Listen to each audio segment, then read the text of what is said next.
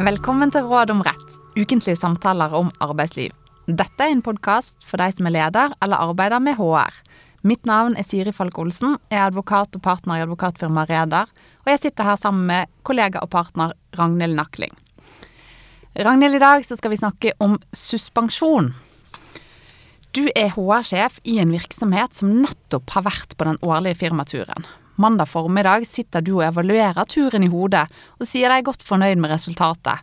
Det var god stemning hele helgen, et litt høyt alkoholinntak blant noen ansatte, særlig en avdelingsleder i 50-årene, men dere fikk både hatt en lenge etterlengtet strategisamling, og folk ble sendt på tvers av både avdelinger og stillingskategorier. En suksess, tenker du, men så banker det på døren din. En ung kvinnelig ansatt kommer inn og forteller at hun natt til søndag hadde ufrivillig seksuell omgang med avdelingslederen, den samme som du registrerte at hadde drukket litt for mye. Den ansatte går ikke veldig i detalj, men gir deg likevel såpass mye informasjon at du fort forstår at hvis det hun sier stemmer, så foreligger det i det minste eh, det straffeloven kaller en seksuell handling uten samtykke, og i verste fall en voldtekt. Du kan ikke forestille deg at avdelingslederen kan ha gjort det hun sier, men samtidig kan du heller ikke forestille deg at den ansatte skulle lyge om noe sånt. Det er mange problemstillinger du nå må håndtere, men mens du går bortover gangen mot kontoret til lederen for hele virksomheten, så prøver du å huske på det du kan om suspensjon. Kan denne avdelingslederen suspenderes med en gang, og bør dere som arbeidsgiver gå til suspensjon, eller vente litt til alle forhold er mer klarlagt? Ragnhild, hva sier du til dette? Nei til det første spørsmålet, i hvert fall. Dere kan ikke suspendere med en gang. Først så må man innkalle til og avholde et såkalt drøftelsesmøte. Det kommer jeg litt tilbake til. Og på spørsmål nummer to, om, man, om virksomheten da bør gå til suspensjon, da, eller vente litt, så kan man i hvert fall slå fast at dette er jo en alvorlig anklage. Det handler om et alvorlig straffbart forhold. I verste fall så har jo dette en strafferamme på ti år. Og uansett om anklagene skulle vise seg å stemme eller ikke, så er det som oftest i disse tilfellene, eller kanskje alltid, vil jeg si, behov for ro rundt situasjonen, sånn at virksomheten kan få klarlagt forholdene så godt som mulig. Før man eventuelt beslutter suspensjon, så ville jeg nok likevel forsøkt å komme til en avtale med den ansatte om at han tar fri med lønn en stund fremover. Kommer litt tilbake til hvordan man kan gjøre dette også. Det er ikke sikkert det lar seg gjøre, men jeg ville vel for, jeg ville forsøkt det aller først.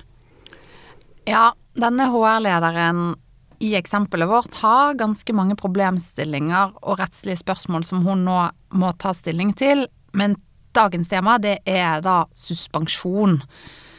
Hva er egentlig suspensjon, og hva er det som skjer når en arbeidstaker suspenderes?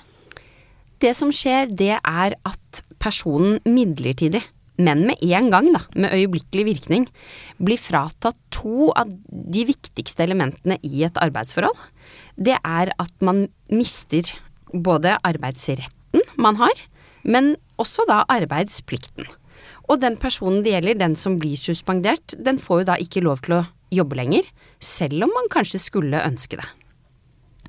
Men det at man ikke får lov til å jobbe, det kan man si er én ting, men, men kan man som suspendert fortsatt oppholder seg på arbeidsplassen? Kan man ha et fast sted å gå til mens man kanskje opplever en krevende situasjon? Uansett om det viser seg å være ingen litt eller mye hold i de anklagene som er fremme? Nei, man kan ikke det. Når en arbeidstaker suspenderes, så stenges jo den personen da midlertidig samtidig ute fra virksomhetens fysiske lokaler, fra kontoret eller den arbeidsplassen man er på, dit man går hver dag. Og i tillegg så inkluderer jo det da datasystemer, andre systemer hos arbeidsgiver. Så selv om du sitter på hjemmekontor, som mange gjør tidvis, så har du heller ikke anledning til å da koble deg til virksomheten sine datasystemer hjemmefra. Og hva skjer hvis en person som er suspendert likevel møter på jobb? da kan man rett og slett vise han eller hun bort. Å vise dem bort er jo veldig sånn pen, pent uttrykk, men det det betyr er rett og slett at man da kan ta med personen og vise de ut døra. Eventuelt løfte de ut døra, hvis det skulle vise seg nødvendig. Heldigvis så er det jo vanligvis ikke det, men det man da må forklare er jo at du har ikke adgang til lokalene før suspensjonen er ferdig. Og hvis man skulle si noen situasjoner hvor det faktisk kan skje, da, så er det jo de situasjonene litt som i eksempelet vårt, hvor det er, det er ord mot ord. Det er egentlig ingen som helt vet hva som har skjedd. Og det er i hvert fall ikke noe tvil om at den som er suspendert, eh, vil føle seg veldig urettferdig behandlet hvis han i hvert fall i vårt eksempel er det han, en han, da, mener at det ikke har skjedd det som han er blitt anklaget for. Og må HR-lederen i eksempelet vårt stenge personen ute fra datasystemer, i andre interne systemer på jobben? Er man forpliktet til å gjøre det? Nei, det er ikke noe krav om at det må gjøres. Eh, man kan godt suspendere noen fra å utføre selve arbeidet, men la dem beholde tilgangen til virksomheten sine systemer. Og så kommer det jo veldig an på bakgrunnen, da, saken, om det er ønskelig, om, om det er mulig. Eh, dersom man er suspendert fordi man har mistanke om at man f.eks. har bistått en konkurrerende virksomhet mens man jobber i denne andre virksomheten, så er det jo sannsynligvis helt nødvendig å stenge de ute fra datasystemene. Det er jo masse informasjon som ligger der, veldig mye personen da ikke skal ha tilgang til. Mens i dette eksempelet som du startet episoden med, så tenker jeg at det kanskje ikke er like påkrevd, men til syvende og sist det blir en konkret vurdering. Nå har du sagt litt om hva som endres når en arbeidstaker suspenderes. Er det noe som fortsetter som før? Det er det arbeidsforholdet, det består jo fortsatt. Det består med lojalitetsplikten som arbeidstaker har, det består med taushetsplikt og eventuelt andre forpliktelser som man, man har. Det er også sånn at arbeidstaker mottar lønn som normalt. Mm, som normalt er jo litt vanskelig å, å definere, kanskje. Et eksempel på noe man ikke mottar, det er jo ekstra lønn som man, hvis man f.eks. har en jobb hvor man kan påta seg mye ekstraarbeid, la oss si ekstra vakter, og har gjort det veldig ofte, så er ikke det noe som man har krav på å motta på samme måte når man er suspendert. Men grunnlønnen har man krav på. Man opptjener jo også pensjon som normalt. Så er det et eget spørsmål om andre ytelser man får, altså fri mobiltelefon, man har kanskje firmabil, man kan snakke om provisjon. Der tror jeg at uh, innenfor rammen av denne episoden, så tror jeg jeg må begrense meg til å si at det, det kan man diskutere. Eh, det er en konkret vurdering. Men økonomisk så blir forskjellen for arbeidstaker som, som regel, i hvert fall, ikke altfor stor, fordi man, man får lønn som før man ble suspendert. Og kan en arbeidstaker ta annen jobb i den perioden man er suspendert? Ja, i prinsippet så kan de det, så lenge de ikke bryter med lojalitetsplikten. F.eks. så lenge det ikke er en konkurrerende virksomhet. Samtidig så er jo de aller fleste jobber i dag sånn at man søker jo ikke akkurat fredag og begynner mandag. Så jeg er litt usikker på hvor, hva skal vi si, hvor praktisk den situasjonen er. Men det er i hvert fall ikke noe rettslig som står i veien for det. Så for å oppsummere, suspensjon det opphever midlertidig og øyeblikkelig både arbeidsplikten og arbeidsretten. Eh, mm. I utgangspunktet så har man da verken rett til fysisk eller digital tilgang til arbeidsplassen. Men arbeidstakeren mottar lønn som normalt og må overholde andre forpliktelser enn arbeidsplikten overfor arbeidsgiver. Er det riktig? Ja, som jeg skulle sagt det selv. Og da har vi snakket litt om hva suspensjon er, og i en episode om dette temaet, så må vi også snakke litt om hvorfor vi har regler om suspensjon. Man kunne jo sett for seg at denne kategorien ikke eksisterte, og at arbeidsforholdet fortsatte som normalt frem til det eventuelt ble avsluttet. Så hvorfor har man egentlig regler om suspensjon? Hva er hensynet bak de reglene? Jeg tror at det er fordi det har vært et praktisk behov for det. Det har vist seg at man, man har behov for en sånn mellomkategori mellom vanlig ansatt og oppsigelse, ikke lenger ansatt. Eh, fordi hvis det er mistanke om at en arbeidstaker har gjort noe veldig alvorlig, så vil det ofte være behov for at den personen ikke er på jobb mens man undersøker. Det kan være mange grunner til det. Det kan både være for å forhindre at den personen ikke ødelegger bevis, det kan være at man skal forhindre at den personen påvirker andre som vet noe om situasjonen, og det kan jo også rett og slett være behov for å stoppe stoppe noe som pågår, f.eks. da samarbeid med en konkurrent, og, sørge for at det ikke fortsetter så tror jeg også at det har vokst frem fordi signaleffekten av at den personen er på jobb, hver dag møter de personene som den kanskje har gjort noe alvorlig overfor, kan være ganske problematisk. Eksempelet vårt i dag er jo en illustrasjon av det. Og da er det på en måte et behov for å flytte den personen ut, da. Samtidig så tenker jeg at det er har i hvert fall vist seg opp gjennom årene at det ble behov for noen regler om dette, sånn at man kunne finne ut hvilke vilkår må være oppfylt, hva må gjøres for at det skal fungere.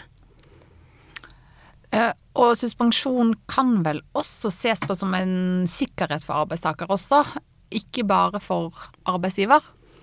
Absolutt. Det er det er sånn at altså, man kan jo da bare suspenderes hvis det er mistanke om at man har gjort noe så alvorlig at det kvalifiserer til avskjed. Det skal virkelig noe til. Avskjed det er jo den mest alvorlige sanksjonen en arbeidsgiver kan ta i bruk overfor arbeidstaker. Det betyr at arbeidsforholdet ditt opphører umiddelbart på dagen. Og da må arbeidsgiver også være sikker på at det, er, at det stemmer, da, for at man skal kunne gå til et så alvorlig skritt. Og hvis vi ikke hadde hatt regler om suspensjon, så kunne arbeidsgiver, litt sånn satt på spissen, kanskje havnet i en situasjon at man gikk til et så alvorlig skritt uten å være helt sikker.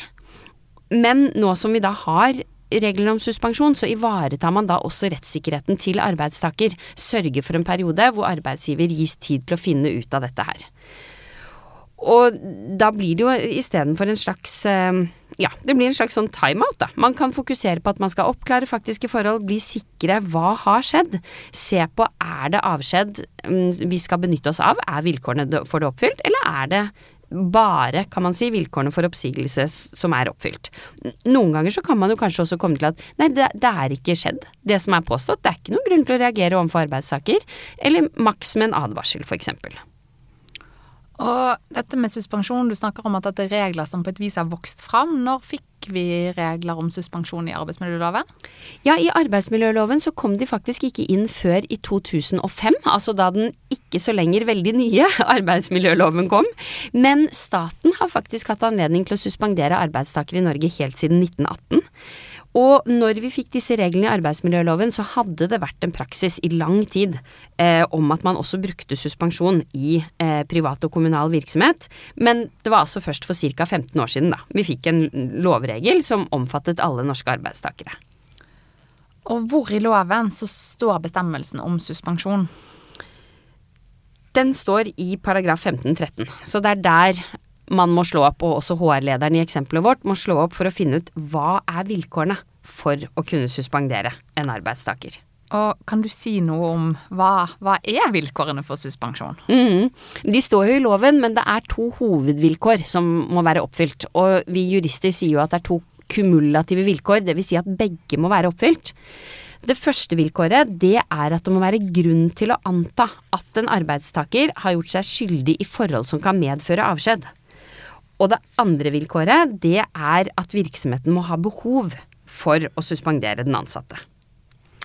To vilkår altså, men i det første grunn til å anta at arbeidstaker har gjort seg skyldig i forhold som kan medføre avskjed. Det er vel egentlig flere ting man må vurdere i, i ett og samme vilkår, er det ikke det? Jo, det er det. Så selv om man da sier at det er to vilkår, så ligger det på en måte to vurderinger skjult i det ene vilkåret. Det er det man må se på der, er for det første har arbeidsgiver en berettiget mistanke eller ikke? Det er dette med grunn til å anta. Og er det forholdet som arbeidstakeren mistenkes for, er det alvorlig nok til at det kan medføre avskjed dersom mistanken bekreftes? Ja, det er kanskje mest praktisk å snu om på rekkefølgen ved vurderingen. Først om forholdene ville gitt grunnlag for avskjed, og så om man har grunn til å anta at de foreligger. Er ikke du enig i det? Jo, jeg er enig.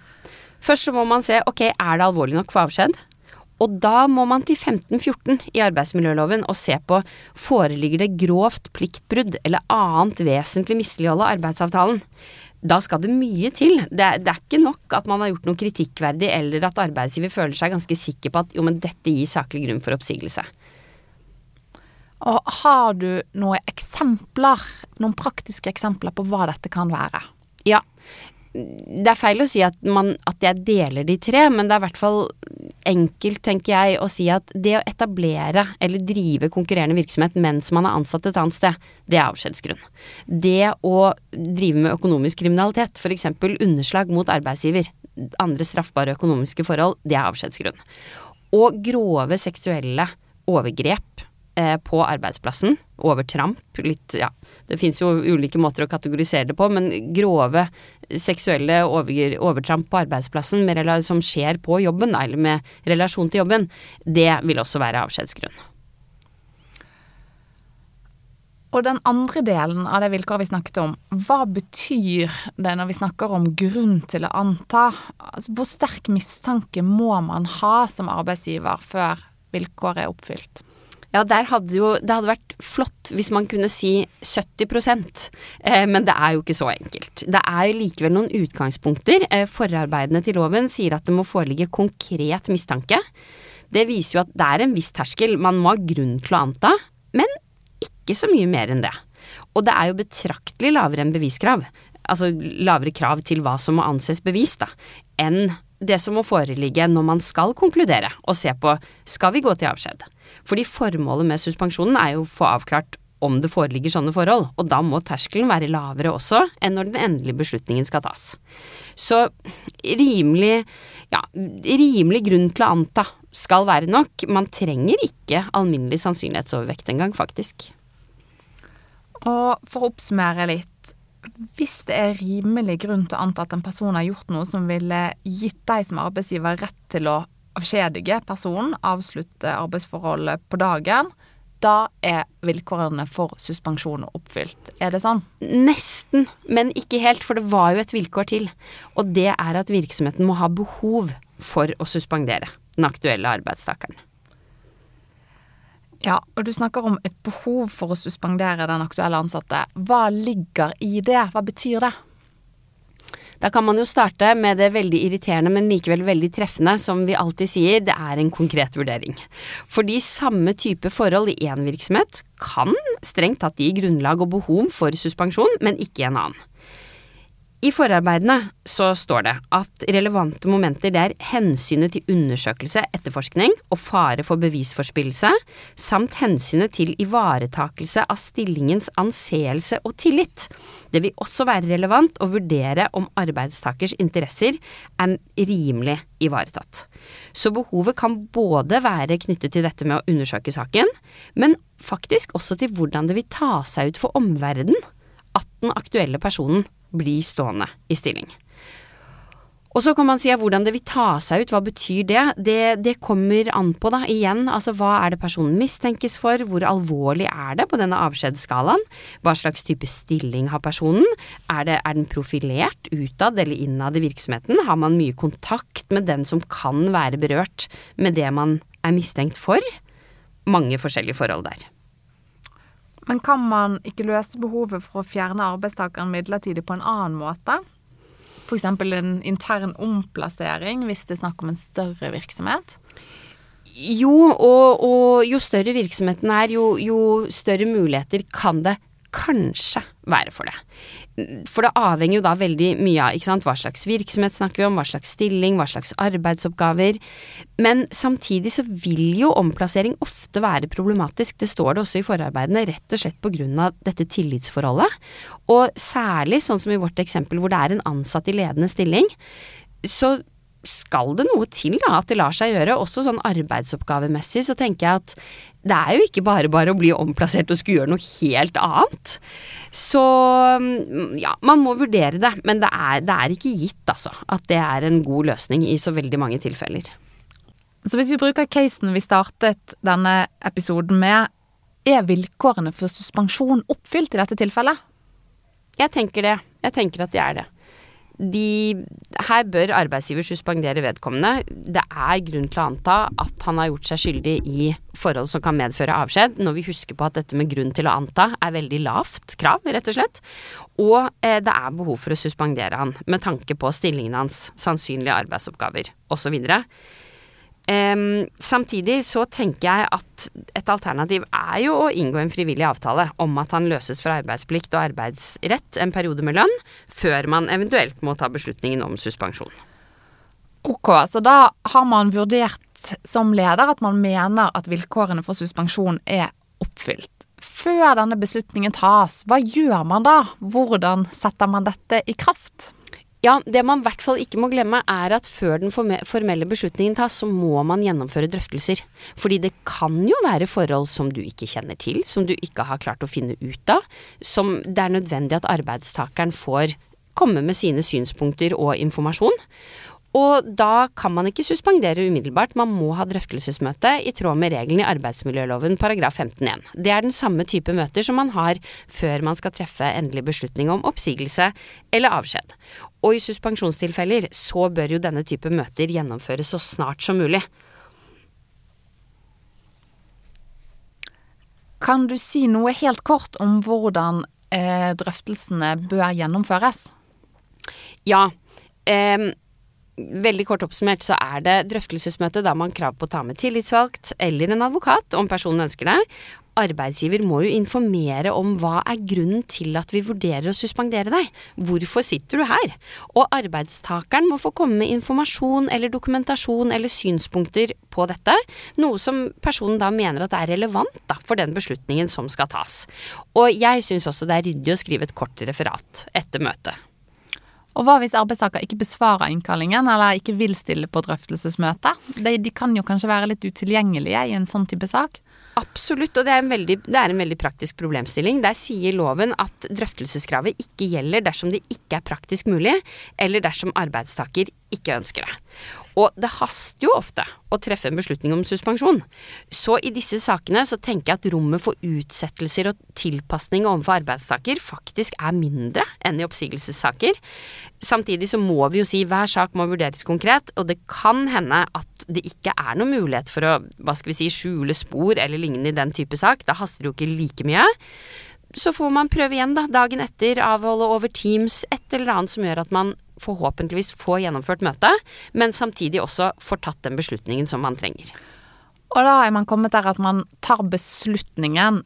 Hva skal stå i dette brevet eller beslutningen om at en arbeidstaker suspenderes? Hva er kravene til innhold? Der er vi også tilbake til å se på kravene til en oppsigelse, faktisk. Det er de samme, samme kravene til form og innhold, så langt de passer, da. Um, kort oppsummert så skal jo da uh, en beslutning om suspensjon den skal være skriftlig. Den skal i utgangspunktet leveres personlig eller sendes rekommandert. Og den skal inneholde opplysninger om at man kan bestride suspensjonen og gå til søksmål nå snakker vi jo om krav til form og innhold i oppsigelser i en annen episode, men man kan jo da godt sende den per e-post i tillegg, sånn at man har sikret bevis da, for at beslutningen er kommet fram. Eh, og, kan, og også for at den kommer fram med en gang, dersom man sender per rekommandert brev, for det tar jo lengre tid. I tillegg så tenker jeg at dette er på en måte lovens krav til hva som skal stå, men det er lurt å skrive hvor lenge man antar at suspensjonen vil vare, og samtidig da at man skriver noe sånn som i første omgang, eller et eller annet sånn som gjør at man viser at dette kan endre seg, fordi vi vet jo faktisk ennå ikke hva vi må undersøke, hva vi må se nærmere på, og hvor lang tid det kan ta. Og hvor lenge kan en suspensjon egentlig vare? Er det noen maksgrense? Ja, det er, det er, det er nesten en maksgrense. Altså først så, først så, er det viktig å si at i loven så står det at arbeidsgiver fortløpende skal vurdere om vilkårene er oppfylt, og med en gang de ikke lenger er det, så skal suspensjonen heves. Så hvis man på et eller annet tidspunkt finner ut at nei, disse forholdene de utgjør ikke avskjedsgrunn, det kan hende det er saklig grunn for oppsigelse, men det er ikke avskjedsgrunn, da skal suspensjonen avsluttes med en gang. Og da gjeninntrer arbeidstaker i stillingen på, som vanlig, fram til det eventuelt kommer en annen beslutning, da. Samtidig så tenker jeg at man skal jammen ikke undervurdere hvor lang tid det kan ta å, å gjennomføre disse undersøkelsene. For HR-lederen i vår virksomhet, hun skal nå sannsynligvis hun skal gjennomføre samtaler med i hvert fall de to hovedberørte. Sannsynligvis også med en god del andre personer. Og selv om man da ofte tenker at ja, i første omgang så går det bra med to uker, så er det som oftest jammen i første omgang. Det tar ofte lengre tid. Så derfor så Um, når det gjelder dette med maksgrense, så er da den ene maksgrensen er man må vurdere det fortløpende, men utover tre måneder så skal det være særlig begrunnet, står det i loven. Og hva, hva, mener man med dette særlig begrunnet? Hva, hva skal til da for at man skal kunne suspendere utover tre måneder? Da skal det være et, ja, et spesielt tilfelle, et særlig tilfelle. Det skal være noe ekstra. Eh, forarbeidene til arbeidsmiljøloven har et eksempel der. De sier at hvis det er reist tiltale i en straffesak. Og det vil si at politiet har etterforsket saken. Politiet har kommet til at vi mener at vi kan føre bevis for at denne personen, altså arbeidstakeren her, da, har gjort noe straffbart. Men saken ennå ikke har vært i domstolene. Da kan suspensjonen vare lenger enn i tre måneder. Og så kan man si at i Norge i dag, uansett hvor effektive og flinke påtalemyndighetene er, så raskt jobber de sjelden. Eh, så vanligvis det som er tilfellet i dag, er at det er kanskje tatt ut en siktelse. Politiet mistenker at denne personen har gjort noe straffbart, men de har ikke etterforsket ferdig, og det er ikke tatt ut noe tiltale ennå. Også i denne type situasjoner så vil det etter min mening kunne være grunnlag for at suspensjonen går utover tre måneder. Og du har snakket litt om det, dette med muligheten til å inngå en frivillig avtale eh, istedenfor å gjennomføre en formell suspensjon. Kan du si noe om det? Ja. Frivillige avtaler her vil jo på en måte bli litt sånn som at en sluttavtale kan være et alternativ til en oppsigelse. En frivillig avtale om at man ikke lenger skal jobbe, og heller ikke har rett til det, men får lønn, kan være et alternativ til suspensjon. Det er ganske vanlig med sånne type avtaler, og det er jo fordi at det er ingen av partene som egentlig ønsker kanskje å sette det stempelet suspendert på hverandre. Særlig fordi man jo på dette tidspunktet ikke vet så veldig mye. Men da må man i hvert fall sørge for at arbeidstaker er godt kjent med hvilke forhold som ligger til grunn for en eventuell beslutning om suspensjon. Man bør ha gjennomført et type drøftelsesmøte, og arbeidstaker må bli gi tid til, da, å tenke seg om, se på innholdet, vurdere om det er en avtale som han eller hun vil inngå. Er det noe krav til innholdet i en sånn frivillig avtale? Nei, også der så er det som en sluttavtale. I utgangspunktet så har man full avtalefrihet. Man må jo bare sørge for at den ikke er veldig urimelig, eller at personen ikke har fått tid og anledning til å tenke seg tenke gjennom, vurdere de ulike alternativene. Og skulle man komme fram til en sånn type avtale på drøftelsesmøte, så bør det også komme, liksom, kommenteres i referatet, og skrives at man har fått tid og anledning. Så til slutt, Ragnhild. Hva er dine tre viktigste tips til arbeidsgivere som må ta stilling til spørsmålet om suspensjon? Hvis jeg skal begrense meg til tre, så er det ene er at man må huske å avholde drøftelsesmøte før man fatter beslutning om suspensjon. Det andre er at selv om det den ansatte er mistenkt for er veldig alvorlig, så er ikke det nok. Virksomheten din må også ha et konkret behov for at denne personen ikke lenger jobber eller oppholder seg på arbeidsplassen. Og det tredje, det er å ikke slappe av for mye, selv om beslutningen om suspensjon er tatt. Man skal vurdere fortløpende om vilkårene fortsatt er oppfylt. Og når de ikke lenger er det, så må man bestemme seg. Skal personen sies opp, avskjediges, eller viste det seg ikke å være noe så kritikkverdig at vilkårene er oppfylt? Ja vel, i så fall så fortsetter arbeidsforholdet som før. Det var det vi hadde. Takk for i dag. Vi kommer tilbake med nytt tema og nye tips i neste episode.